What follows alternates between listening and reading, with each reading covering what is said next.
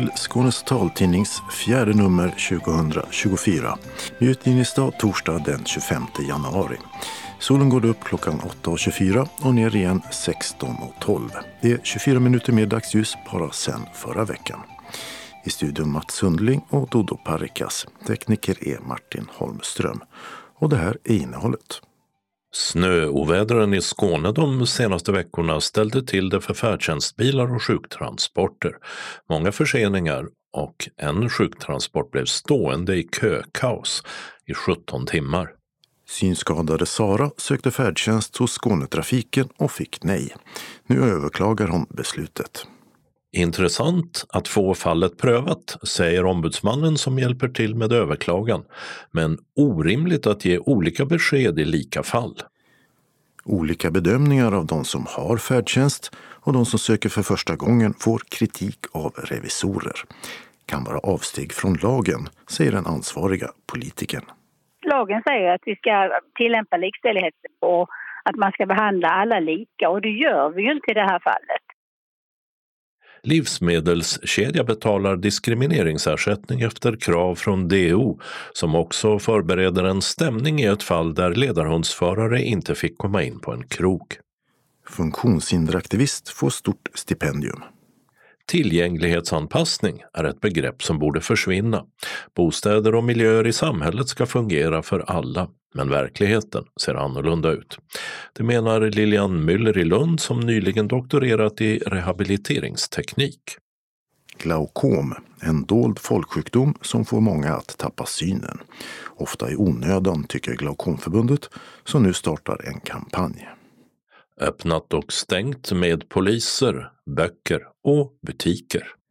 Evenemangstips med föreläsningar och blodbad. Där på kalendern med slager, stadsbesök och meteoritnedslag. Anslagstavlan är idag gemensam för hela Skåne med inbjudningar och ändringar i kollektivtrafiken. Och allra sist redaktionsrutan. Ja, de senaste veckorna har två snöoväder ställt till det rejält på vägarna. Och det har drabbat även färdtjänsten och sjuktransporter i Skåne. Långa väntetider och inställda resor, men också en trafikolycka med en färdtjänstbil. Och en sjuktransport som fick stå i uppemot 17 timmar i kökaoset på E22. Ulrika Stålnacke är områdeschef för Skånetrafikens serviceresors beställningscentral. Det var ju E22 vid båda tillfällena var ju ett ansträngt läge, mycket snö och driver. Eh, så det påverkade oss både vid förra tillfället och nu senast.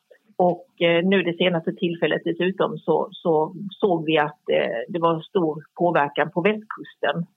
Från Lund, Landskrona, uppemot Bjärehalvön och över Hallandsåsen. Där hade vi ett ansträngt läge. Vet du hur många färdtjänstresor det är som ni har behövt ställa in? Nej, jag, jag, kan inte svara på det just nu för att vi jobbade hårt för att försöka lägga resor lite senare i så fall. Så att vi körde ju med mycket förseningar. Jag kan inte säga en siffra just nu hur många som fick ställas in helt. I snitt kan man väl säga att vi körde nog med, på de flesta fordon med ungefär 30 minuters förseningar. Och sen är det klart att eh, vissa fordon fastnade ju i, på motorvägar och så i, i köer på grund av trafikolyckor och så och då, då var det ju lite längre tid. Har färdtjänstbilar varit eh, inblandade i olyckor? Ja, jag har fått rapport om att eh, ett av våra fordon vid senaste tillfället eh, blev påkört. Jag vet att ambulans kallades det plats, men kunden eh, mådde bra, så det var jättetur. Är det någon färdtjänstbil som har stått i eh, långa köer en väldigt lång tid, som till exempel på E22 den första omgången av snöovädret? Vi hade ett fordon som blev stående länge med kund i bil. Men där vet jag att föraren hade eh, regelbunden kontakt med vår trafikledning och, och även med vård. Hur lång tid stod den här färdtjänstbilen? Om jag minns rätt så var det ungefär 15 eller 17 timmar. Den färdtjänstbil som blev stående, vart var den på väg? Var det en sjukresa eller en färdtjänstresa? Det var en sjukresa. Så hur gick det för den som åkte? Men där, där har vi haft en dialog med kunden och anhöriga efter förloppet och, och det gick bra. Och hur utrustade är färdtjänstbilar för att klara av det? Har de mat i bilen eller finns det... Vad finns det i färdtjänstbilarna för att klara en sån här situation? Nej, men vi, vi har ju utrustning, vi har lite filtar och, och så i våra fordon men, men mat har vi ju inte utan det är ju ett ansvar, tänker jag, för, för våra kunder i så fall att ta med sig. Och, och det som är viktigt i det här är ju att säga också att vid båda tillfällena gick vi ut tidigt eh, och sa till våra kunder att res bara om eh, ni måste. För det är ju oftast de här ovädren vet vi påverkar trafiken eh, och det finns en risk att man, man blir stående. Så det var vår uppmaning vid båda tillfällena. Uppmanade ni också att om ni måste resa så ta med er mat eller dryck eller något sånt? Nej, det har vi inte gjort i det här fallet. Med tanke på det här som då har hänt där färdtjänst, någon färdtjänstbil har blivit stående väldigt lång tid och så kommer ni att förändra någonting framöver? Vi behöver ju ta med oss lärdomarna av de här tillfällena. Eh, för vi ser ju att det är klart eh, vädret här kan påverka trafiken väldigt mycket. Så där behöver vi ta en dialog med våra trafikföretag och även internt.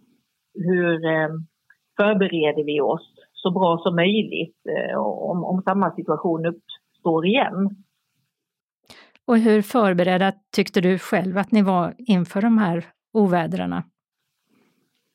Jag tänker att vi, vi var så förberedda som vi, som vi kunde eh, och hade en regelbunden och god dialog. Fick information från Trafikverket, eh, uppdaterade på våra hemsidor och, och, så vidare. Hade en dialog med vården när det gäller våra sjukresekunder och så vidare. Eh, så att jag, jag tycker att vi gjorde så gott vi kunde. Det sa Ulrika Stålnacke, områdeschef för Skånetrafikens beställningscentral för serviceresor. Och i det avtal som Skånetrafiken skriver med de olika bolag som kör färdtjänst och sjukresor finns inga krav på snökedjor, skyffel med mera. Reporter var Åsa Kjellman Erisi. Gravt synskadade Linus Johansson fick nej på sin färdtjänstansökan hos Skånetrafiken och sen också nej i förvaltningsrätten. Det berättade vi i förra veckan. Men han är inte ensam om att få avslag på sin första ansökan om färdtjänst. Det har också 30-åriga Sara Månsson från Eslöv.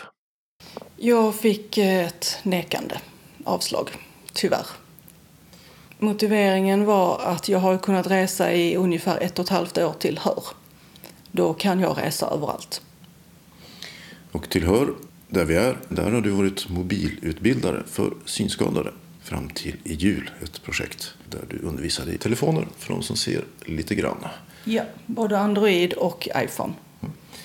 Ja, hur mycket ser du själv? Ja, i synskadevärlden är det väl eh, bland de bättre. Men eh, cirka 30 procent om det är en riktigt bra dag. Och sen är det 8 procent kanske på mitt sämsta. Så det har jättestor variation på ögonen. Går med vit käpp såg jag. Ja, det är bara för ett par år sedan som jag faktiskt tog till den. För jag har hållit på att gå i väggen ett antal gånger. För att jag försöker se det jag inte ser. Alltså inte fysiska väggar utan? Nej, psykisk vägg. Ja. ja. Att det är ansträngande att gå utan käpp då helt enkelt? Ja, det man, ansträng, man överanstränger den energin man har. Du har ju en viss procents energi, men om du överskrider den längre tid utan att få tillbaka energin, då kraschar man till sist. Första ansökan om färdtjänst eh, vid 30 års ålder någonstans där. Hur har du klarat det hittills? Eh, familj som eh, har kunnat köra mig i princip överallt.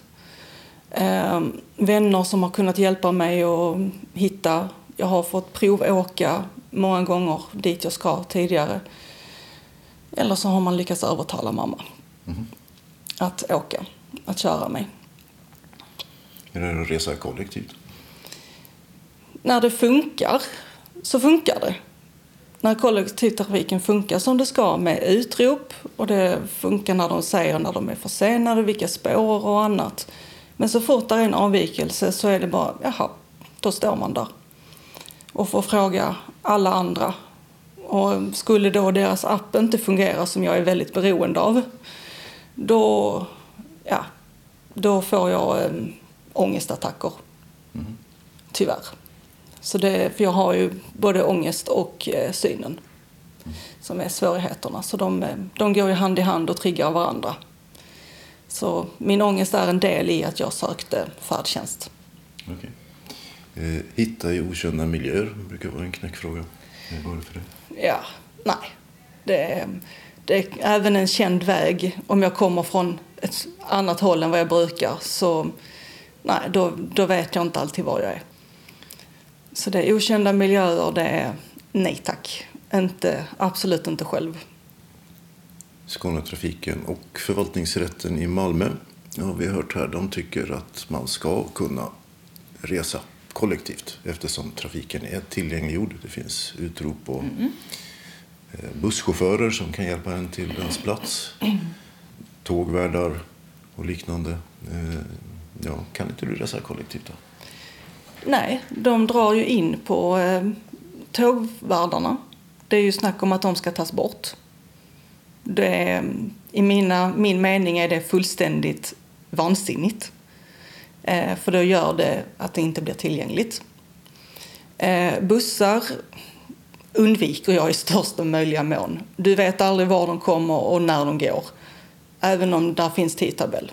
Och så nej, det är en stor ångestfaktor för mig så det undviker jag. Eh, och synmässigt kan jag inte läsa på um, skyltarna heller. Och, det är, och att ständigt vara beroende av att fråga alla andra, det är en stress i sig. Det är det ju. Men um, när kollektivtrafiken, när allting är precis som det ska, då funkar det. Men så fort det är avvikelser, vilket där är, så blir det väldigt, väldigt jobbigt. Det tar mycket energi som man sen inte alltid får tillbaka. Just nu så är det rätt mycket snö också och en del halka. Är det någonting som har påverkat dig?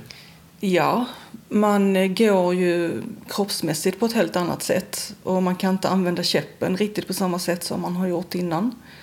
Man fastnar överallt och ledstråken är inte skottade överallt, eller så är det inte skottat alls. Så rätt vad det är så står man med decimeter snö över skorna. Som har hänt x antal gånger bara idag. Eh, så det är... Jag gillar snön. Det är mysigt, det lyser upp. Men ur synens perspektiv så är det inte kul. Då går man helst inte själv heller. Allting ser likadant ut. Nu fick du avslag på den här första ansökan om färdtjänst. Ja, vad gör du nu? Nu, vi har överklagat och jag har fått meddelande om att de kommer ta upp mitt ärende. I förvaltningsrätten då? Ja. Så jag, just nu väntar jag bara på ett stycke läkarutlåtande från min läkare som ska styrka med min, både min syn och min äh, ångest och de, den problematiken. För man kan inte bortse från den ena eller den andra. De är ett. Vilket inte de ty tydligen tycker. Ehm, men, ehm, så jag väntar på det utlåtandet och sen ska, vi, ska det skickas in. Sen är alla handlingarna inne. Och efter det får vi ju se vad som händer. Sa Sara Månsson från Eslöv som alltså överklagar nejet som Skånetrafiken gett på hennes första färdtjänstansökan. Reporter du hör, Mats Sundling.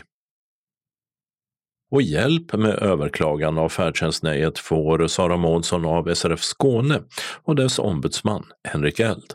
Ja, jag tycker ju att det är intressant att pröva hennes skäl till varför hon behöver färdtjänst. Så att vi ser fram emot vad förvaltningsrätten säger om detta. Skånetrafiken har ju avslagit hennes färdtjänst med hänvisning till att hon har kunnat resa i kollektivtrafiken fram tills nu. Medan vi har då anfört som skäl att det går inte längre på grund av hennes funktionsnedsättningar så kan hon inte det längre. Och då har vi ju bemött så att säga argumenten ifrån eh, Skånetrafikens serviceresor i deras avslag. Det har funkat hittills men inte längre? Mm, precis. Att, uh, man kan inte anföra det som ett skäl till att avslå färdtjänsten att, att hon har kunnat resa i kollektivtrafiken.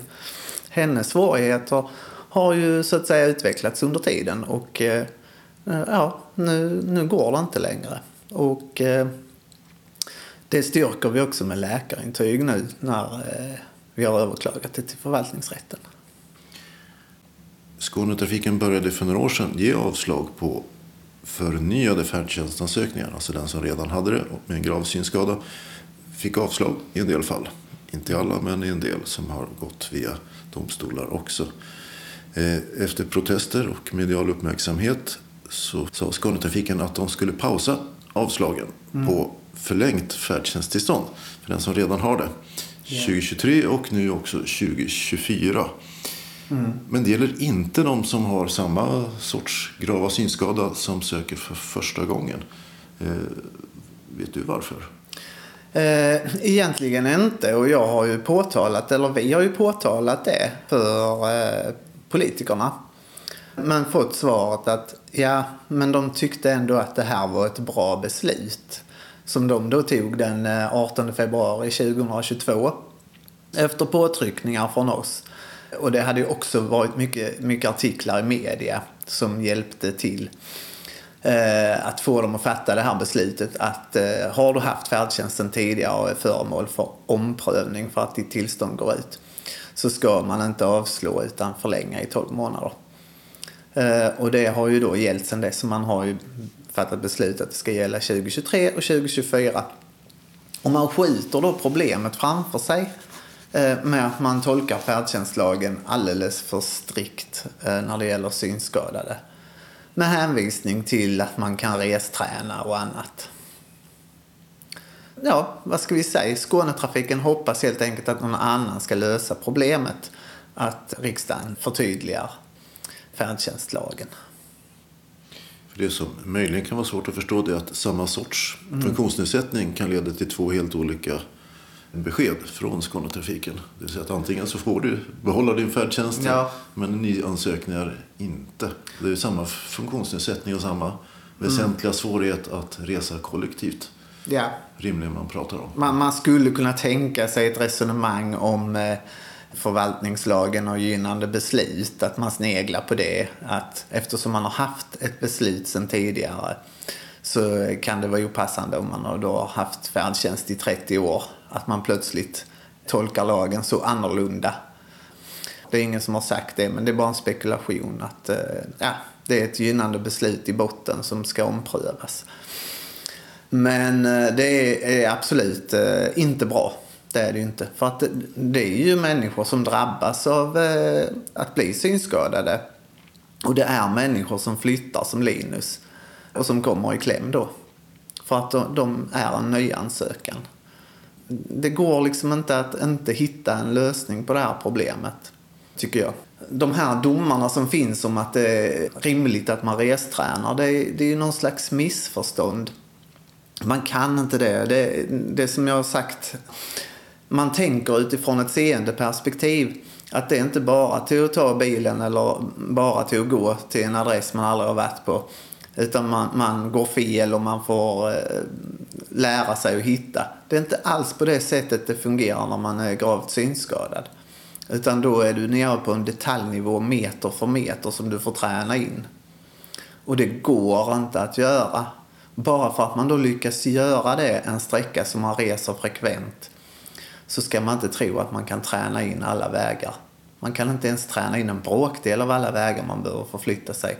Och det är inte alls som att förflytta sig när man är seende och att det kan vara lite motigt. Man får kanske titta på en karta eller man går bort sig och man får fråga sig fram. Så funkar det inte att vara blind. Det sa Henrik Eld, ombudsman på SRF Skåne. Reporter Mats Sundling.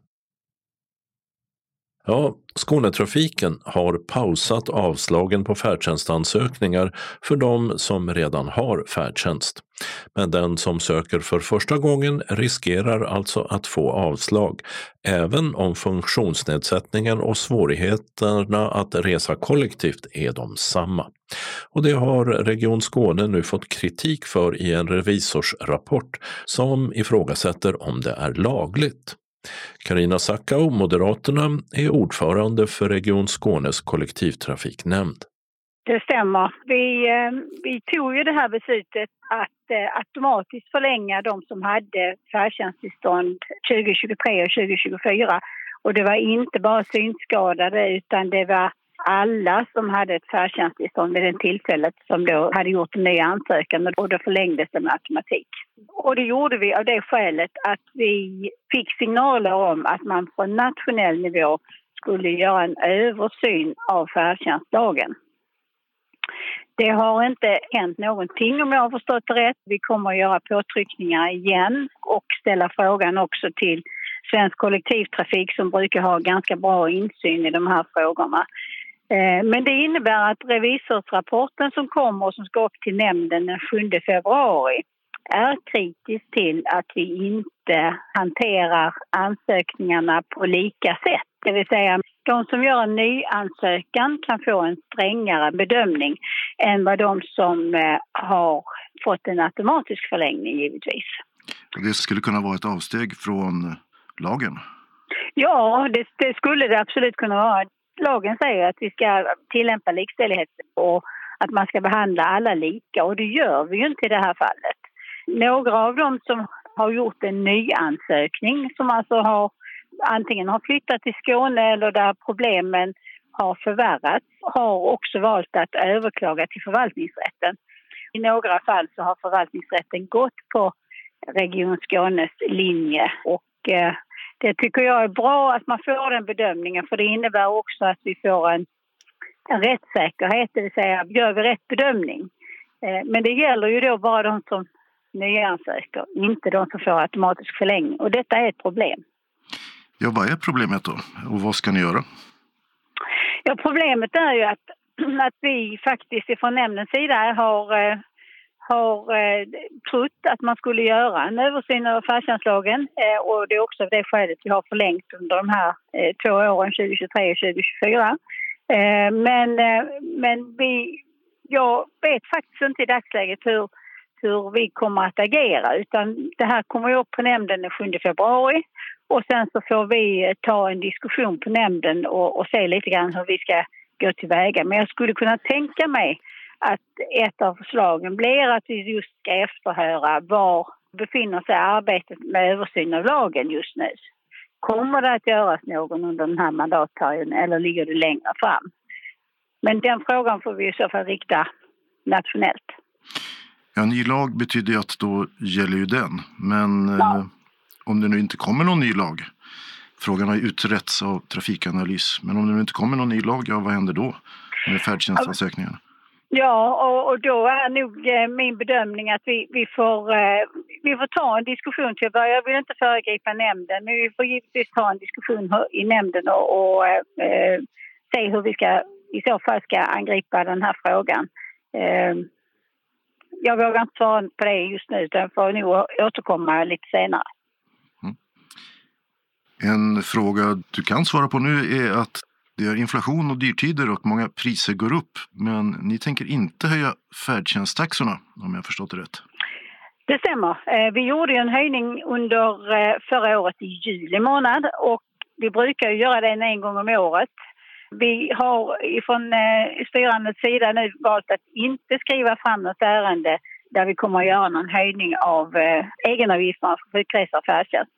Utan det kommer vi att avvakta med tills budgeten är klar och tills att vi gör en översyn av den allmänna kollektivtrafiken och det brukar vi göra i december månad. Så att fram till dess så kommer det vara de egenavgifterna som gäller idag som kommer att gälla året ut. Kritik mot hur Skånetrafiken bedömer lika färdtjänstbehov olika alltså vi hörde Karina Sackau, moderat och ordförande för Region Skånes kollektivtrafiknämnd. Och reporter var Mats Sundling.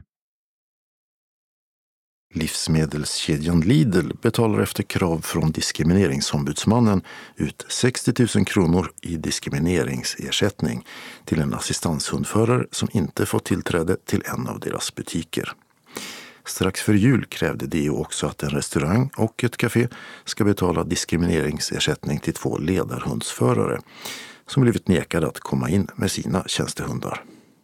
Fram till den 15 januari hade de på sig att svara. Sandra Danowski är processförare på DO och har hand om de tre ärendena.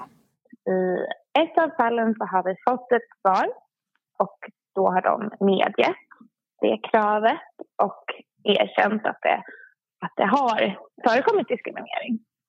I de andra fallen så har vi inte fått svar. I ett av dem har svarsfristen förlängts och i det andra så har arbetet med en ställningsansökan påbörjats.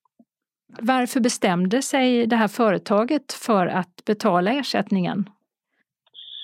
I det fallet så har det redan från början stått klart att den här butikskedjan Eh, har ett generellt hundförbud med ett undantag för ledar och assistanthundar. Men personalen i butiken hade inte kännedom om det undantaget och tillämpade därför huvudregeln. Den här butikskedjan har ju svarat att de har en, ett stort arbete med eh, tillgänglighet och, och lika behandling och att eh, det här eh, inte är en situation som de vill ska uppkomma. Eh, och då tänker jag att det ligger också i det att ta ansvar när det faktiskt blir fel. Det här var inte första gången som ett företag bestämmer sig för att eh, betala ut en diskrimineringsersättning. Hur tror du det påverkar för då ledarhundsförare och assistanshundförare att företagen nu går med på att betala ersättning för att de har diskriminerat? Våra beslut, de är ju inte rättsskipande på det sättet som det finns inga eh, konsekvenser av de besluten utan det är ju bara ett information om att om man inte går med på det här så kommer vi att, att driva frågan i domstol. Så att säga.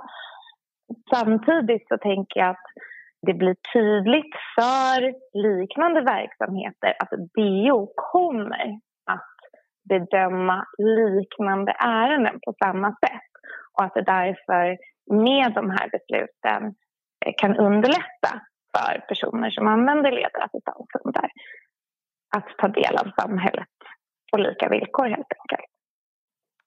Men när det gäller då restaurangen där ni har påbörjat en stämningsansökan, vad händer där nu? Det som händer är att vi kommer att ge in en stämningsansökan inom de närmsta veckorna. Och därefter så blir det ju tingsrätten eh, som får liksom målet i hand och ska utfärda stämning. Och på sikt då vet man inte riktigt hur ärendet avgörs därefter. Än så länge så har ju inget sånt här ärende avgjorts i eh, domstol. Hur ser du på att eh, man nu eventuellt får ett avgörande i domstol? Vi ser ju väldigt positivt på att få avgöranden på det här. Eh, både för att få klarhet i vad det är som gäller, vilken diskrimineringsform det är som är tillämplig och också för att det ska bli tydligare att det faktiskt rör sig om diskriminering. Så vi, vi ser positivt på att det blir avgörande. Det här. Men som det är just nu så får vi in anmälningar på det här och det är tydligt att verksamheter inte har kännedom om skillnaden mellan hundar som hjälpmedel och sällskapsdjur. Och det kommer väl bli en ökning under en period men förhoppningen är ju att det ska leda till att det blir tydligt vad det är som gäller. Och när det gäller restaurangen där Diskrimineringsombudsmannen kräver diskrimineringsersättning för att en ledarhundsförare nekas tillträde så handlar det om ett krav på 30 000 kronor medan det för kaféets del handlar om ett krav på 15 000 kronor. Och hur stor summa som DO kräver, det beror på många olika orsaker. Sandra Danowski igen. När vi bedömer vilken diskrimineringsersättning vi ska framställa krav på då tittar vi på flera olika omständigheter. Så man gör en helhetsbedömning av kränkningen, kan man säga. Där en del kan vara verksamhetens storlek, men det är en ganska liten eh, del skulle jag säga. Utan huvudsak är det att man tittar på situationen. Vad är det som har hänt? Och hur uppfattas det här? Så när det gäller då livsmedelskedjan där ersättningen var 60 000 kronor, var det en grövre kränkning då än för restaurangen och kaféet? Dels kan man ju säga eh, Eh, att det skedde på en mer offentlig plats därför att det var en plats där det var flera andra kunder så att säga. Och sen skedde det också på ett i sig allvarligt sätt. Det var också fråga om en upprepning och det var fråga om flera i personalen. Bara ingen hade då kännedom om det här undantaget. Så det var några av de omständigheterna som beaktades. Och att eh, butiken kallade på polis, är det också sånt som man räknar in? Man gör en helhetsbedömning av eh, situationen helt enkelt. Jag vill inte gå in på exakt vilka parametrar för, för det man tittar på en helhetsbedömning och, och här har faktiskt Högsta domstolen kommit med ett uttalande. Det finns ett avgörande på hur man kommer fram till diskrimineringsersättning generellt. Då. Så det är utifrån de parametrarna som vi bedömer de här ärendena. Har Lidl sagt att de ska göra någonting för att det här inte ska återupprepas i någon av alla deras butiker? De har inkommit med skrivelse till DO där de förklarar att de följer den branschriktlinje som anger att man får ha med sig certifierade ledare och assistanshundar in i livsmedelsbutikerna och har sagt att de sedan ärendet inlett har skickat ut en påminnelse till samtliga butiker om att certifierade ledarassistanshundar är välkomna in i butik för att säkerställa att butikerna då är tillgängliga för alla. Så det svaret är det de har lämnat. Om man själv då som ledarhundsförare eller assistanshundförare blir nekad att komma in på en restaurang eller en, en livsmedelsbutik eller något liknande, vad ska man göra då? Vi har ju förutom att vi har då de här att vi riktar krav i enskilda ärenden så har vi också information på vår hemsida som är till för verksamhetsutövare eh, för att tydliggöra vad det är som gäller. Så förhoppningen är väl att man om man blir nekad kan hänvisa till den informationen och i annat fall anmäla till oss. Om man då vill anmäla det till DO, hur gör man då? Vi har väldigt tydliga formulär på vår hemsida och skulle det vara problem med det så kan man också ringa in och få den hjälpen. Det sa Sandra Danowski på DO. Och kaféet har på sig till den 31 januari att svara dem. Just nu har Diskrimineringsombudsmannen ett femtontal pågående tillsynsutredningar gällande ledar och assistanshundar som alla handlar om diskriminering. Om man själv blir utsatt för det och vill anmäla men inte har möjlighet att göra det på DOs hemsida så kan man ringa telefonnumret till DOs växel 08-120 20 700. Reporter Åsa Kjellman Risi. Journalisten, opinionsbildaren och entreprenören Anna Bergholtz har utsetts till en av tre mottagare av kreditkortföretaget Visas stipendium She's Next till stöd för kvinnliga företagare. Anna Bergholtz, som själv är blind, startade 2020 konsultnätverket Unique Power som erbjuder expertkompetens i frågor som rör inkludering och funktionsnedsättning. För sitt arbete med detta får hon nu en stipendiesumma på 10 000 euro, vilket motsvarar ungefär 110 000 kronor, och personlig företagscoachning i ett år. Övriga två stipendiater är Mary Jusela som tagit fram inkluderingsmetoden Lika olika och företaget Unna som utvecklat den första svensktillverkade och ekologiska modersmjölksersättningen för att på så sätt försöka bidra till att bryta stigmat kring flaskmatning av spädbarn. Vad krävs för att de byggnader och miljöer vi bor och vistas i ska vara tillgängliga för vem som helst, oavsett funktionsnivå? Jo, en universell utformning som verkligen fungerar för alla. Och inte ett synsätt där man pekar ut en viss grupps behov, till exempel synskadades, och gör en viss plats tillgänglig för dessa, medan det mesta i övrigt inte är det. Utan istället utgår från en tänkt normalpersons behov och personer med funktionsnedsättning räknas inte dit. Som när trafiklösningar kräver ögonkontakt mellan gående och cyklister eller bilister för att fungera. Det menar tillgänglighetsforskaren Lilian Müller som nyligen doktorerat i rehabiliteringsteknik vid Lunds tekniska högskola, LTH. Så vad är det som gör att universell utformning inte är en självklarhet idag? Det finns inget enkelt svar på den frågan, men när jag har grävt i mina studier så har jag ju framförallt stött på några olika hinder som eh, gör att man kanske inte tänker i de här banorna. Förut när vi har pratat eh, om tillgänglighet så har det ju ofta varit en föreställning om att det där kommer lösa sig så småningom, bara folk får tillräckligt mycket kunskap och bara man har pengar och bara eh, vi kan lösa det när vi bygger nytt, men det är så svårt med det gamla.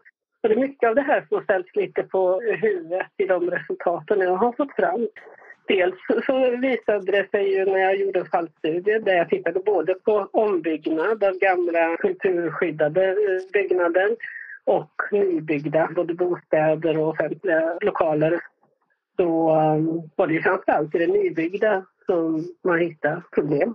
Man har gått ifrån ofta de gamla byggnormerna och kommer man till nya bostäder så kan de ju se ut lite hur som helst eh, med märkliga eh, planeringar.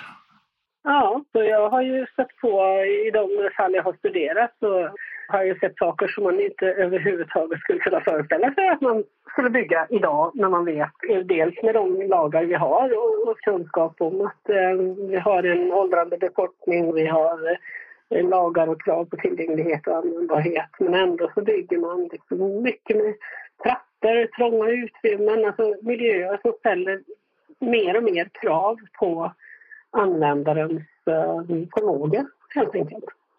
Har du kommit fram till också vad det är som eh, gör att eh, det här är det okunnighet? Är det illvilja? Är det penninghunger? Jag tror att det är en samverkan av många olika faktorer och eh, en är ju då byggnadstrender som är rådande just nu. Bygger vi tätt så tar vi bort mycket ytor, vi gör miljöerna svårare att orientera sig i och så vidare. Så det finns mycket problem i det förtätning har ju liksom bara varit ett mantra och som ofta sen också har sammankopplats med att det skulle vara bra för miljön eller klimatet. Det finns det mycket forskning som visar att det är problematiskt även ur de aspekterna. Det är en sak och vi bygger till exempel eh, delade trafiklösningar där man tänker sig att både gående och bilar och cyklar ska dela på ett och samma utrymme och komma överens och, och vara sams och så ska det inte hända några farliga olyckor. Men det förutsätter ju att människor ser. Du måste kunna ha ögonkontakt med bilisten eller cyklisten för att vara säker på att man kan hantera situationen. Och det är ett exempel på sådana här typiska miljöer som man bygger idag. Du använder begreppet att det är ojämlikhet framförallt då i nybyggda miljöer. Om du skulle utveckla, vad är ojämlikheten? För det är just det här att eh, man utgår från en viss smal norm, en särskild typ av människa. Och alla som inte befinner sig inom den kan få problem med att använda de här miljöerna. Man gör alltså redan från början inte en ordentlig analys av hur miljön ska utformas för att det ska kunna fungera för alla. Lilian Müller drar några exempel på där det ser bra ut i tanken med gemensamhetsutrymmen och växthus i ett flerbostadshus, men som läggs så att de bara nås via trappor, vilket skapar ojämlikhet mellan de boende. Och det finns ju byggnormer, men så görs det undantag för till exempel ungdomsbostäder och annat där otillgängligheten byggs in. Universell design är mantrat mot detta, men hur når man dit? Vad säger Lilian Müllers forskning? Det som jag har försökt göra det är att jag har tittat på plan och byggprocessen som är väldigt långt utsträckt i tid till att börja med. Från det att man börjar tänka sträcka, eh, en viss bebyggelse, till att det står ett nyckelfärdigt hus. Den kan ju vara oändligt lång med alla procedurer och så som vi har och många involverade aktörer. Och där ser jag ju att det offentliga har tagit ett steg tillbaka. Mer och mer och snabbare och snabbare. Nu till exempel så går Boverket ut med ett nytt förslag till omändringar av byggregler där man förutsätter att det är byggherrar och byggaktörerna som ska ha full koll på vilka regler som gäller för tillgänglighet och användbarhet och hur man löser dem. Det är inte några allmänna råd eller någon vägvisning längre om hur, man ska göra för att uppnå det. Och med tanke på det vi ser nu så tror jag det är stor risk att vi fortsätter ännu mer åt fel håll. Utan jag tror ju att, eh, om man ska backa tillbaka plan och byggprocessen, att den måste hålla ihop på något sätt. Och det offentliga måste ta ett grepp som håller hela vägen från början till slut. Alltså det finns ju, och vi ser i början så finns det ju många bra intentioner i översiktsplaner och så. Men sen så när det där kommer in i planerings och projekteringsfas, då ser det ut som att det försvinner. De goda intentionerna finns någonstans i processen men samhället har alltså backat. Och när det gäller den universella utformning som Lilian Müller menar verkligen behövs så missas det oftast grovt när till exempel bostadsområden projekteras. Då ser man att där kommer den här kategoriseringen av människor. Alltså allt det positiva som beskrivs handlar om i första hand om yngre människor och väldigt mobila människor och detta syns i både texter och bilder att man med visualiseringar så visar man yngre människor som cyklar. Men det finns nästan aldrig äldre och finns det äldre så är det friska äldre. Det är inte äldre som använder typ av rörelsehjälpmedel eller så. Ingen går med en vit käpp ner för den här trappan till växthuset? Men ingen, ingen överhuvudtaget. I alla de dokument jag har gått igenom så har man inte på något sätt beskrivit eh, personer med synliga funktionsnedsättningar. Utan det kommer några rader kanske. Eh, den här detaljplanen strider inte mot möjligheten att eh, bygga tillgängligt och användbart. Vad betyder det, menar du? Jag menar att man redan från början har sorterat vilka man tänker sig ska använda miljöerna och vilka som vi kanske måste anpassa för i efterhand. Och det är där som universell utformning, om man får in det som ett tänkesätt i hela processen skulle kunna förändra. Därför att vi behöver ju också, för att lyckas ur det här, så tror jag vi behöver komma bort ifrån det här med tillgänglighetsanpassningar om man säger så. Det menade Lilian Müller, tillgänglighetsforskare och nybliven doktor i rehabiliteringsteknik vid Certec på LTH i Lund. Avhandlingen är på engelska och heter Bridging the Gaps, Realizing Human Diversity in the Built Environment Through Universal Design.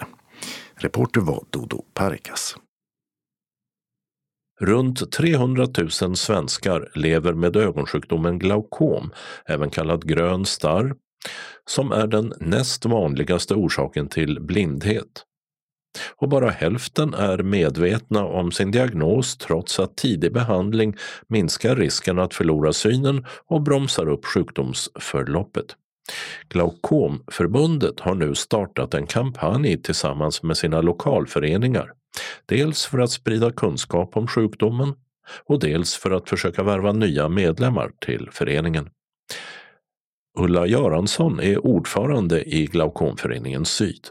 Sen att man från generellt egentligen 50 års ålder alla bör ha gjort en grundligare ögonundersökning. Inte bara kollat trycket utan även kollat av synnerven och kanske gjort en synfältsundersökning med tanke på just glaukom. Då. Eh, och är det ingenting så, så vet man det.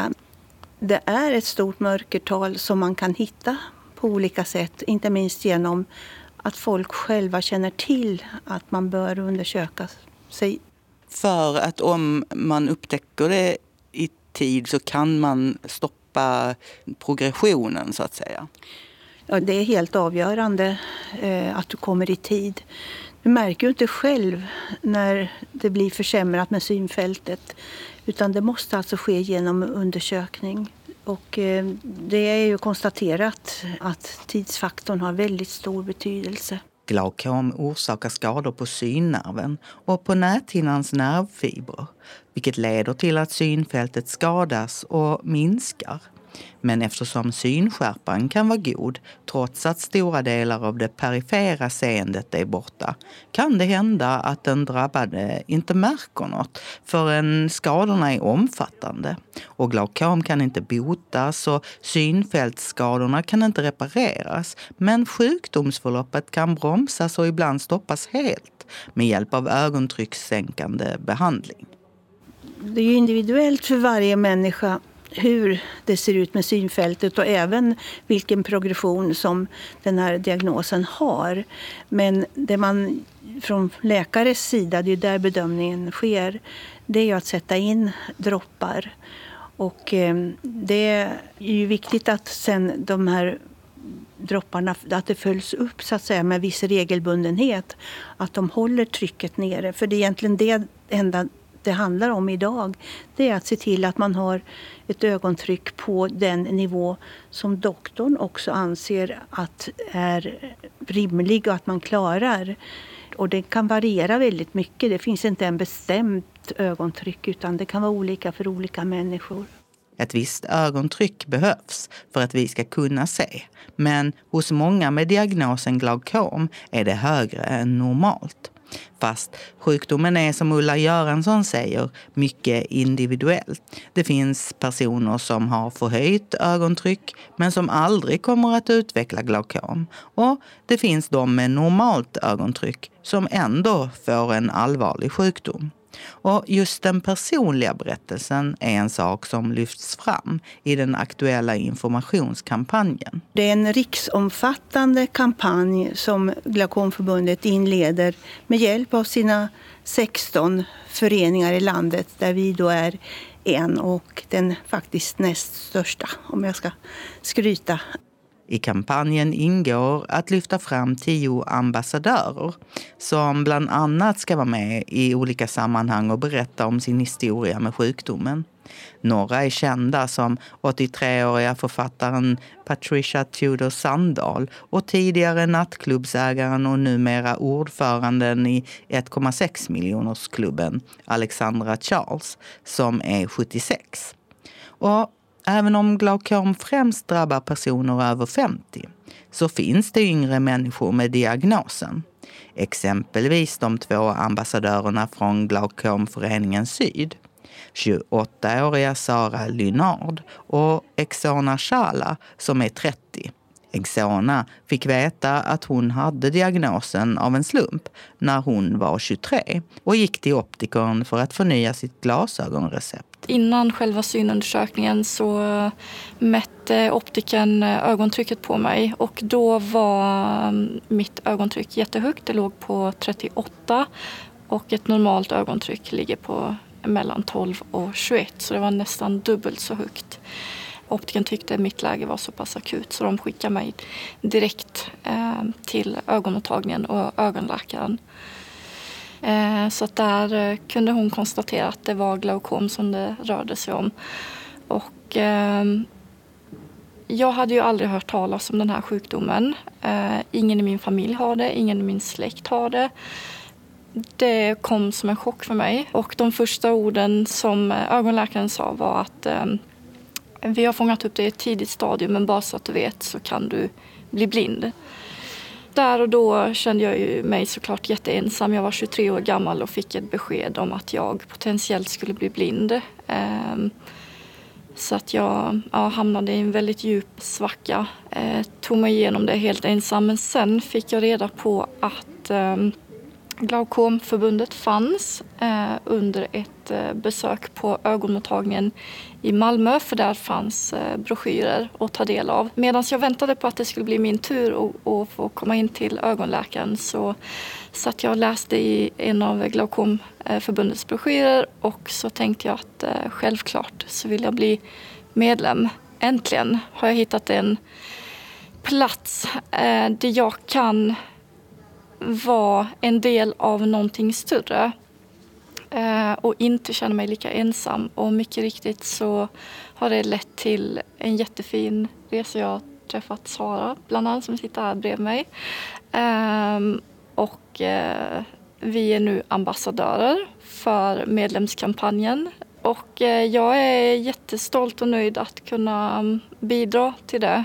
För att jag har länge levt i tron om att det endast är äldre människor som får glaukom. Och det i sig har gjort att jag har känt mig mycket mer utanför än vad jag borde ha känt egentligen. Nu har jag ju förstått i efterhand att det är ju inte så. Och eh, tack vare att jag träffade Sara så eh, har jag insett att eh, okay, det finns en annan ung tjej som tacklar sin eh, synnedsättning på ett helt makalöst sätt som jag inspireras av. Så att det har betytt otroligt mycket för mig. Sara Lynard fick glaukom som spädbarn. Och även hon levde länge i tron att hon var ensam om att vara yngre och ha sjukdomen. Jag eh, har alltid känt mig lite besvärad av att jag har en synskada och jag har upplevt mig ensam och inte så många som förstår kanske hur livet kan vara. Man vill ju vara lite som alla andra, man är tonåring och alla fick ta körkort och jag fick inte ta körkort. Och, så man har försökt pussla ihop livet ändå. Men eh, jag bestämde mig en dag för några år sedan att starta ett Instagramkonto som jag döpte till Glaukom-Sara. Och det var för att jag ville lägga upp lite inlägg om mina tankar, lite som en dagbok. Där jag skriver ner vad jag känner, vad som händer på mina läkarbesök. Och då fick jag lite följare där och fick kontakt med andra personer som har olika typer av ögonsjukdomar eller glaukom och även andra som också var yngre och har glaukom. Så jag kände att det blev som ett litet community. Och då fick jag även reda på att Glaukomförbundet fanns och det visste inte jag innan. Eh, och då blev jag medlem och sitter nu i styrelsen i Glaukomföreningen Syd. Och eh, det har betytt väldigt mycket för mig att jag fick kännedom om just Glaukomförbundet. För att här har man ju fått se att man inte är ensam så som man har känt sig. Och man har fått kontakt med andra personer och eh, lite som Exona berättade att vi har ju fått kontakt, vi är två unga tjejer som bor i samma stad. Och det hade varit roligt om jag visste att hon fanns liksom flera år innan för då hade man kunnat bolla mycket med varandra. Man har mycket tankar som kanske inte ens familj och vänner alltid förstår. Och eh, jag eh, fick höra om den här medlems och informationskampanjen och blev tillfrågad om jag ville vara ambassadör och jag kände självklart, det vill jag verkligen vara. 100 procent. För att då kan ju jag hjälpa till att nå ut via våra olika kanaler, via förbundet, men också berätta om mitt konto och kanske fånga upp fler som sitter själva och ensamma och inte vet att vi finns. Jag tror att det är de flesta medlemmarna har gemensamt, att man har känt sig ensam. Men när man då går med i förbundet och upptäcker att det finns andra och man kan få möjlighet att lära känna sin sjukdom mer och lära känna varandra och ta stöd av varandra så upplever man som en stor lättnad. Det sa Sara Linnard från Malmö, en av de tio ambassadörer som ingår i Glaukomförbundets informations och medlemsvärvningskampanj. I inslaget hördes också Exona Shala och Glaukomföreningen Syds ordförande Ulla Göransson. Och reporter var Gunilla Kracht. Öppnat och stängt.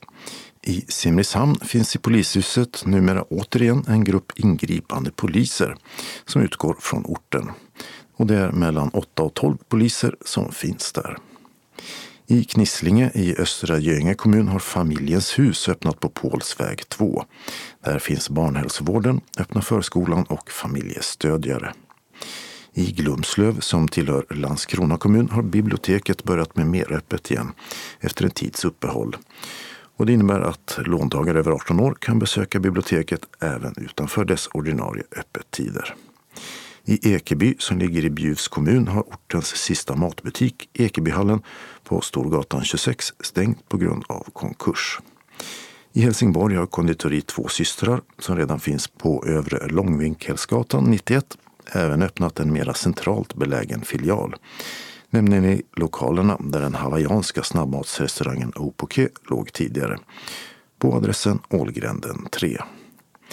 I Helsingborg på Väla centrum och i Malmö på E-center och då på adressen Agnes Fridsvägen 177 stänger utomhussportfirman Friluftsvaror sina butiker på grund av att ägarföretaget gått i konkurs. Utförsäljning pågår i båda butikerna fram till mitten av februari. På Härlövs handelsområde har den danska kedjan Tansen öppnat en butik intill lager 157. Tansen säljer bildelar och tillbehör, campingprylar, cyklar med mera. Kristianstad har fått en ny matvagn. Den heter Heaven's Kitchen, står på Lilla Torg och serverar indisk mat tillagad av en norsk kock. Senare räknar kocken med att flytta på sig. Och I Ystad har guldsmedjan TGE på Stora Östergatan 17 stängt guldsmedsbutiken som drivits av far och son och som funnits på samma ställe i 14 år. Evenemangstipsen de börjar med ett syntolkat blodbad, nämligen Stockholms, som ägde rum mot sluttampen av den nordiska Kalmarunionen 1520. Den kung som danskarna kallar Kristian den gode och svenskarna Kristian Tyrann lät efter att ha intagit Sverige avrätta ett hundratal framträdande svenskar. Den engelskspråkiga filmen Stockholm Bloodbath av Hollywoodregissören Mikael Hovström har av recensionerna att döma blivit en händelserik äventyrshistoria som en del kritiker helt gjort tummen ner för medan andra entusiastiskt låtit sig ryckas med av filmen. Stockholm Bloodbath har i nuläget syntolkning och uppläst text för biobruk. Mer syntolkning nu i tv, närmare bestämt UR. Det är andra säsongen av Osynliga sår för mellanstadiet. Och serien uppges även passa vuxna. Det är tre kvartslånga dokumentära berättelser där barn själva berättar om att må dåligt, ha utsatts för övergrepp eller ha det jobbigt hemma. Syftet är att framhålla barns rättigheter och de sociala skyddsnät som finns och dessutom att lyfta känslor av skuld och skam från utsatta barn. Finns på UR Play. Manskören Svanholm Singers från Lund konserterar på Valfisken, Järnvägsgatan 2 i Simrishamn nu på söndag 28 januari 17 till 18.15. Temat är psykisk ohälsa och ensamhet. Den 25 februari 16 till 17.45 uppträder Mon Bijou-kvartetten, fyra unga kammarmusiker från musikhögskolorna i Malmö och Oslo. Fullprisbiljetter kostar 200 kronor, medlemmar i sällskapet Promusica 150 kronor och studerande upp till 20 år har fri entré. Biljettförsäljning i valfiskens dörr från en timme innan konsertstart eller via hemsidan sallskapetpromusica.se där musika stavas med C mot slutet. Och så ner till rubriken konserter där biljettbokningen finns under respektive konsert. Sällskapets ordförande Lars Persson nås på telefon 0704 50 95 26. På Tivolihuset Östra Parkgatan 2 i Höganäs är det författarafton 29 januari mellan 19 och 21 med konstnären Mamma Andersson och författaren Silla Naumann om deras gemensamma bok Samtalen, en bok om och med Mamma Andersson. Och den finns som talbok. Samtalet leds av Daniel Sandström, litteraturchef på Bonniers och tidigare kulturredaktör på Sydsvenskan. Pris 100 kronor via Nortic eller Höganäs bibliotek som har telefon 042 33 74 08. I Magle konserthus, Magle Stora Kyrkogata 4 i Lund, kan man 29 januari mellan 19 och 20 lyssna till en konsert med cellisten Natasha Otero och ackordeonisten, alltså dragspelaren Minna Verlander. Det blir tolkningar av både barock och tango. Biljetterna som säljs av biletto.se kostar 250 kronor plus en serviceavgift på 23 kronor. Vi har tidigare här i januari tipsat om ett urval ur skånska föreläsningsföreningars aktuella program och här kommer mera. På biblioteket Munka Ljungby folkhögskola, Nygatan 2, föreläser trädgårdskännaren Gunnel Karlsson 1 februari klockan 19. Den kanske lite oväntade rubriken är Februari en trädgårdsmånad. 15 februari samma klockslag berättar Henrik Wachtmeister om renässansmänniskan och astronomen Tycho Brahe. 14 mars, också det 19.00, heter gästen Erik Habnom. Han är polis och ska tala om bedrägerier mot äldre. Information om föreläsningarna i Munke Ljungby fås på telefon 0702 43 36 70. 12 föreläsningar kostar 180 kronor, en gång 50 kronor. Fränninge Vollsjö Brandsta föreläsningsförening inleder sin vårsäsong 6 februari 19.00 i Brandsta sockenstuga, Östra Kärrstorpsvägen 23 i Vollsjö. Temat är kvinnor inom vetenskap och teknik. 27 februari 1900 berättar författaren Gabby Gummesson om att börja skriva böcker på äldre dagar. Det gör hon i Fränninge församlingshem, Hängebergsvägen 20. Och 19 mars, samma klockslag, handlar det om stödet till Ukraina. Rubrik Bilar till Ukrainas försvar. Föredragshållare Annika Henriksson och platsen den gången Ågården, Ågårdsvägen 1, Vollsjö. Årskort i Fränninge och Brandsta kostar 250 kronor, en föreläsning 50 kronor. Telefon 0707 41 36 00.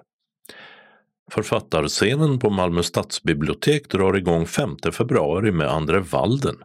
Hans Augustprisade roman Jävla karar bygger på hans egen erfarenhet av en lång rad styvpappor. Journalisten Sonja Schwarzenberger leder samtalet.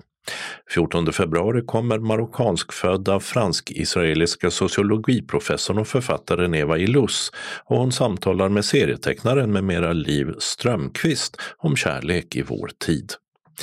26 februari Tidigare statsepidemiologen Anders Tegnell samtalar med Farshid Lalvand, författare, Malmöbo och mikrobiolog som ofta kommenterade covid-pandemin samt har varit månadens ansikte i Skånes taltidning september 2021. 9 april kommer den mycket uppmärksammade danska författaren Solveig Belle i samtal med Malmöförfattaren Torbjörn Flykt. 22 april är Finland gemensam nämnare för Ida Rauma som skriver om utsatta unga och numera Malmöbaserade psykologen och författaren Quinn Tran, ursprungligen från Vietnam men uppvuxen i finlandssvenska Jakobstad. Och de samtalar med författaren med mera Ida Linde. 6 maj, danske Rasmus Daubia som har troll i sin litterära portfölj och katalanska Irene Sola i samtal med isländske författaren Sean. Mystik och magi kan väntas där. Och så avslutas vårens författarscensprogram 30 maj då amerikanske John Keane samtalar med Judith Kiros om rasism, åtrå, slaveri, homosexualitet, musik och litteratur. Det är fri entré till alla författarscenssamtal i Ljusets kalender på Malmö stadsbibliotek och de börjar alltid 19.00. Det finns talboksinläsningar av nästan alla deltagares böcker, både gäster och samtalsledare, utom Rauma, Daubia och Sola. Någon titel finns även i punktskrift. Soulartisten Seinabo Sey kommer till Moriska paviljongen i Malmö Folkets park 15 februari start 20.00. Dörrarna öppnas en timme tidigare, åldersgräns 18 år. Hon har sällskap av sångaren Waterbaby som hyllas som ett av de stora svenska stjärnskotten just nu. Biljetter 495 kronor säljs av bland annat Eventim. Vi har förut berättat om My Music Story om och med musikern Janne Schaffer 23 februari på Ystad teater. Men även den 22 februari klockan 19 uppträder han, då på Palladium i Malmö. Kulturcentralen säljer biljetter för 515 kronor. Parketten är utsåld men på balkongen finns platser.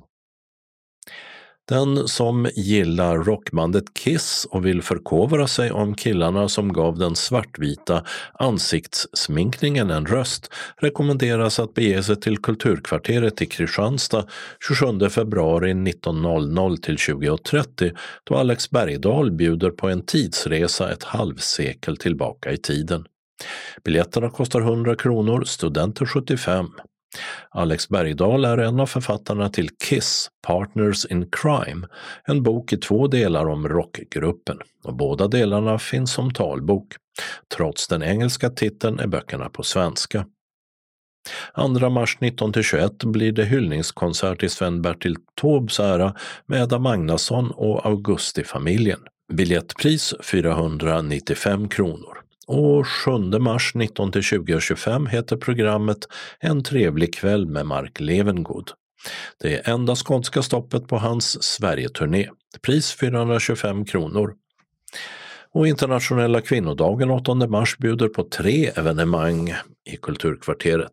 16.00 kvinnokviss med My Eriksson, 18.30 författarkväll med Tina Fränstedt, författare till fyra kriminalromaner om kalla fall. De två programpunkterna äger rum i bistron och där rekommenderas bordsbokning. Mellan 20.00 och 21.10 slutligen intas scenen i Lilla salen av sångerskan Sara Riedel och band med tonsatta Kristina Lugn-dikter. Biljett för hela klabbet kostar 250 kronor. 200 för pensionärer, 100 för studenter. Och serviceavgift tillkommer på alla biljetter till Kulturkvarteret.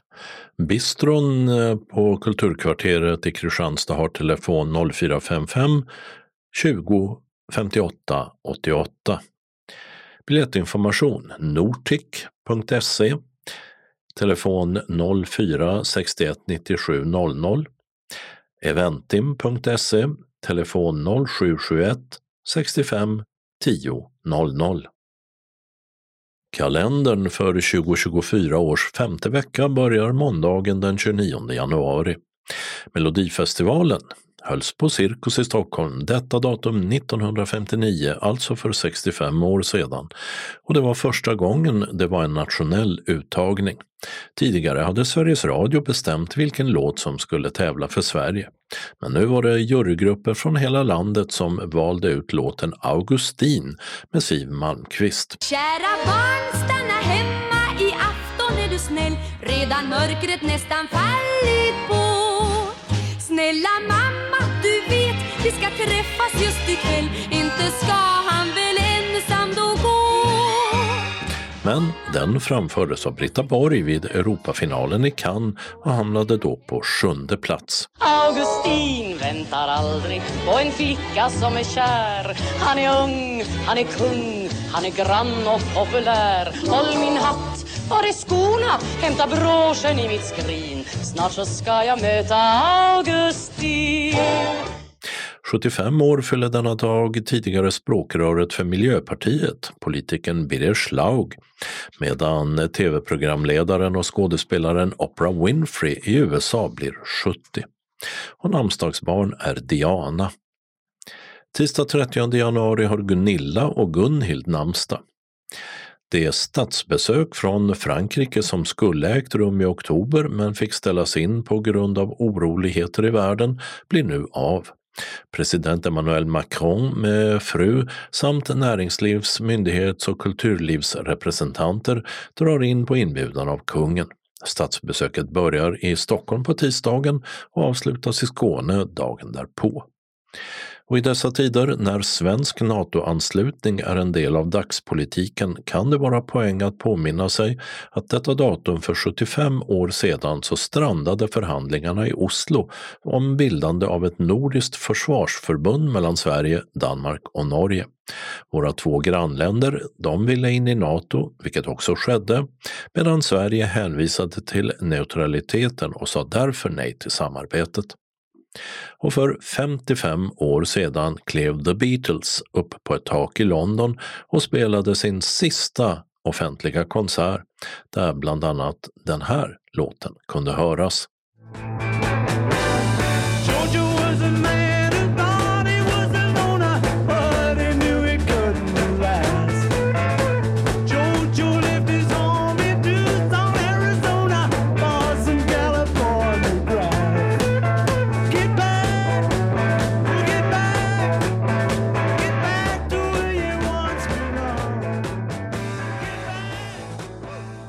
Onsdagen den 31 januari firar Ivar och Joar namnsdag, medan, som man sa förr, torsmånaden eller torremånaden, och där är etymologin lite oklar. Ja, den månaden går i alla fall till ända. Frankrikes eh, nyss nämnde president Macron, han är i Skåne, bland annat som gäst på en studentafton i Lund. dit endast studenter på Macrons begäran fått köpa biljetter. Torsdag 1 februari tar vi ett raskt kliv in i februari eller göjemånaden, ett ord som kan uttydas som snömånaden. Max och Maximilian har namnsdag medan Maximiliana, hon har åkt ut redan för länge sedan.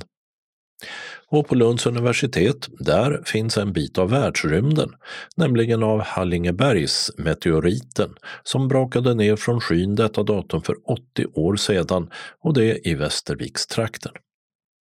Fredag 2 februari är det ingen som har namnsdag.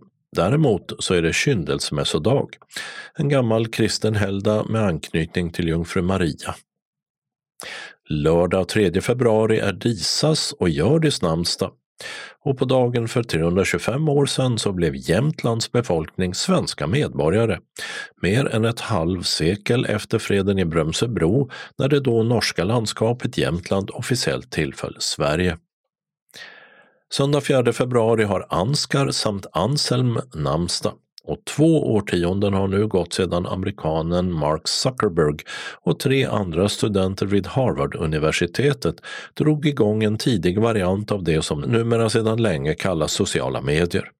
Först var tjänsten bara till för Harvard-studenter och hur det sen gick för Facebook, som tjänsten kom att kallas, det vet nog de flesta vid det här laget. Anslagstavlan och dess regionala del innehåller en inbjudan från SRF Malmö Svedala till hela SRF Skåne till en syntolkad rockmusikal på HIP onsdag den 20 mars klockan 19. Vi ska på Tick Tick Boom, en samproduktion mellan Malmö Stadsteater och Malmö Opera. Adressen är Kalendergatan 12 i Malmö. Pris 280 kronor, ledsagare går kostnadsfritt. Vi träffas klockan 18.15 då du får din biljett och mottagare. Föreställningen varar en timme och 40 minuter med paus. Färdtjänsthem kan beställas till klockan 21 och som vanligt stannar någon av oss kvar till sista färdtjänstbilen kommit. Musikalen handlar om en ung kompositörs kamp med sin dröm i ett 90-tal fyllt med brustna illusioner. Jons 30-årsdag närmar sig han drömmer om det stora Broadway-genombrottet. Hur ska han hinna med allt? Det går segt och han försörjer sig på en diner. All övrig tid jobbar han envist på med en musikal han skrivit på i åtta år. Klockan tickar och kraven växer. Detta kanske faktiskt är på liv och död. Det kan vara jobbigt att vara ung och inte lyckas arbeta som konstnär. Men det kan vara ett sätt att leva det liv man är ämnad för innan döden tar det den vill ha. Vetskapen om att Jonathan Larsson, som skrev Tick Tick Boom, dog innan han fick sin succé gör att föreställningen får en mörkare botten. Anmäl dig till SRF Malmö Svedalas kansli, telefon 040-25 05 40 eller mejla till info srfmalmo.se senast fredag den 9 februari. Berätta vid anmälan om du behöver mottagare, ledsagning och eller ett inbetalningskort. Betalning sker till bankgiro 192-9645 eller med swish till 123 077 80 50 senast torsdag den 29 februari. Skriv tick och namnet på deltagaren. Och följande gäller endast för medlemmar utanför Malmö. Reseersättning utgår från SRF Skåne för resor utanför Malmö efter att kvittot skickats in inom tre månader. Om ni behöver komma i kontakt med någon under dagen kan ni ringa Maj-Britt Ryman på telefonen 070-324 6609. Hjärtligt välkomna önskar styrelsen. Den lokala delen av anslagstavlan innehåller även den inbjudningar från SRF Malmö Svedala, fast lokala då, och några ändringar i kollektivtrafiken. Först välkomnar SRF Malmö Svedala till sin dagverksamhet. Måndag den 29 januari klockan 13 till 15 blir det tidningsläsning och frågesport. Tisdag den 30 januari klockan 13 till 15.15 15 blir det bingo och fika. Vi serverar kaffe och smörgås eller kaka för 10 kronor. Och man anmäler sig till kansliet om man tänker komma senast klockan 10 samma dag. SRF Malmö Svedala fortsätter med bastubad. Välkomna till Öresunds Funkis torsdag den 1 februari klockan 18 till 21. Vi badar bastu tillsammans och de som är modiga nog tar ett dopp i Öresund. Du tar själv med dig det du anser att du behöver under kvällen. Badtofflor är bra för oss som tänker oss ut i sundet. Och det kommer att vara gemensam bastu. Anmäl dig till kansliet senast klockan 12 samma dag. Om du får förhinder eller har frågor, ring Maj-Britt 070-324 6609 eller Mikael Werngren 076 191 04 66. Välkomna hälsar SRF Malmö Svedalas styrelse. Och samma förening bjuder också in till sopplunch. Välkommen till föreningen fredag den 2 februari klockan 13. Idag serverar vi minestronesoppa som avslutas med kaffe och en kaka. Är du medlem i föreningen betalar du 50 kronor, övriga betalar 70. Vill du vara med så anmäl dig senast tisdag den 30 januari. Glöm inte att anmäla allergi eller specialkost. Det går bra att betala kontant på plats eller med swish till 123 077 80 50 eller föreningens bankgiro 192-9645. Glöm inte att skriva soppa och namnet på deltagaren vid betalningen. Färdtjänsthem kan beställas till klockan 15.30. Varmt välkomna hälsar styrelsen. SRF Malmö Svedala välkomnar också till hobbyträff. Onsdag den 7 februari klockan 13. Vi träffas på Wendelsfridsgatan 13. Man tar med sig sin hobbyverksamhet eller så kommer man för att umgås över en macka och en kaka eller en kopp kaffe till självkostnadspris 10 kronor. Färdtjänsthem kan beställas till 15 och 15. Och vill du vara med så anmäl dig till kansliet 040 25 05 40 eller info srfmalmo.se i mejl då senast dagen innan. Varmt välkomna hälsar styrelsen. Vi avslutar med några tillfälleändringar i den regionala kollektivtrafiken. Tågen först. I helgen är under vissa tider alla tåg mellan Malmö C och Lund inställda. Detta från lördag den 27 januari klockan 22 till söndag den 28 januari klockan 8. Och från söndag den 28 januari klockan 19 till måndag den 29 klockan 5 på morgonen. Bussar ersätter då mellan Malmö och Lund direkt och via Burlöv, Åkarp och Hjärup. Öresundstågen som kör mellan Malmö och Helsingborg kör en annan bana och stannar inte i Lund men däremot i Kävlinge. Och vissa pågatåg är också inställda mellan Hyllie och Lund samt Kävlinge och mellan Malmö C och Kävlinge. Bussarna så. I Höllviken började i måndags ett arbete på Östra färdriften som stängt en rad av regionbuss 152s hållplatser. Höllviken Gya samt Tallvägen ersätts av hållplatsen Höllviken centrum. Stängda är också hållplatserna Klockarvägen, Kämpinge-Önnemo-vägen och Stenbocksväg S. Med den tillfälliga hållplatsen Ängdalavägen som ersättning. Och den ligger mellan en och två kilometer norrut på Stenbocksväg. Och från den 12 februari klockan fyra stänger också i en andra etapp regionbuss 181 hållplatser Henriksdalsvägen med hänvisning till samma tillfälliga Ängdalavägen samt Stenbocksvägen S, läge C och D. För den sistnämnda ersätter hållplatsen Norra Mariavägen, läge A och B, som ligger på Rängsandsvägen cirka 400 meter åt sydost. Den 8 mars klockan 16 ska alla ordinarie hållplatser öppna igen. I Malmö börjar torsdag den 25 januari ett gatuarbete som från klockan 9 stänger regionbuss 150s hållplats Orkanen. Närmsta alternativ är hållplats Anna Lindsplats, cirka 300 meter söderut på Neptunegatan. 16 mars klockan 15 ska den vanliga vara öppen igen. Så två arbeten som inte blivit av. I förra numret berättade vi om att ett par av regionbuss 145 och 146 hållplatser i Trelleborg skulle stänga. Men det arbetet har blivit uppskjutet till ett senare tillfälle och hållplatserna är kvar som innan. Och I Malmö har man skjutit upp ett arbete på Sallerupsvägen vi nämnt tidigare. Hållplatsen Kyrkogården är kvar på sin vanliga plats. Och med det beskedet var det dags att sätta P för veckans Skånes taltidning. Nytt nummer nästa torsdag den 1 februari. Skånes taltidning ges ut av Region Skånes psykiatri och habiliteringsförvaltning.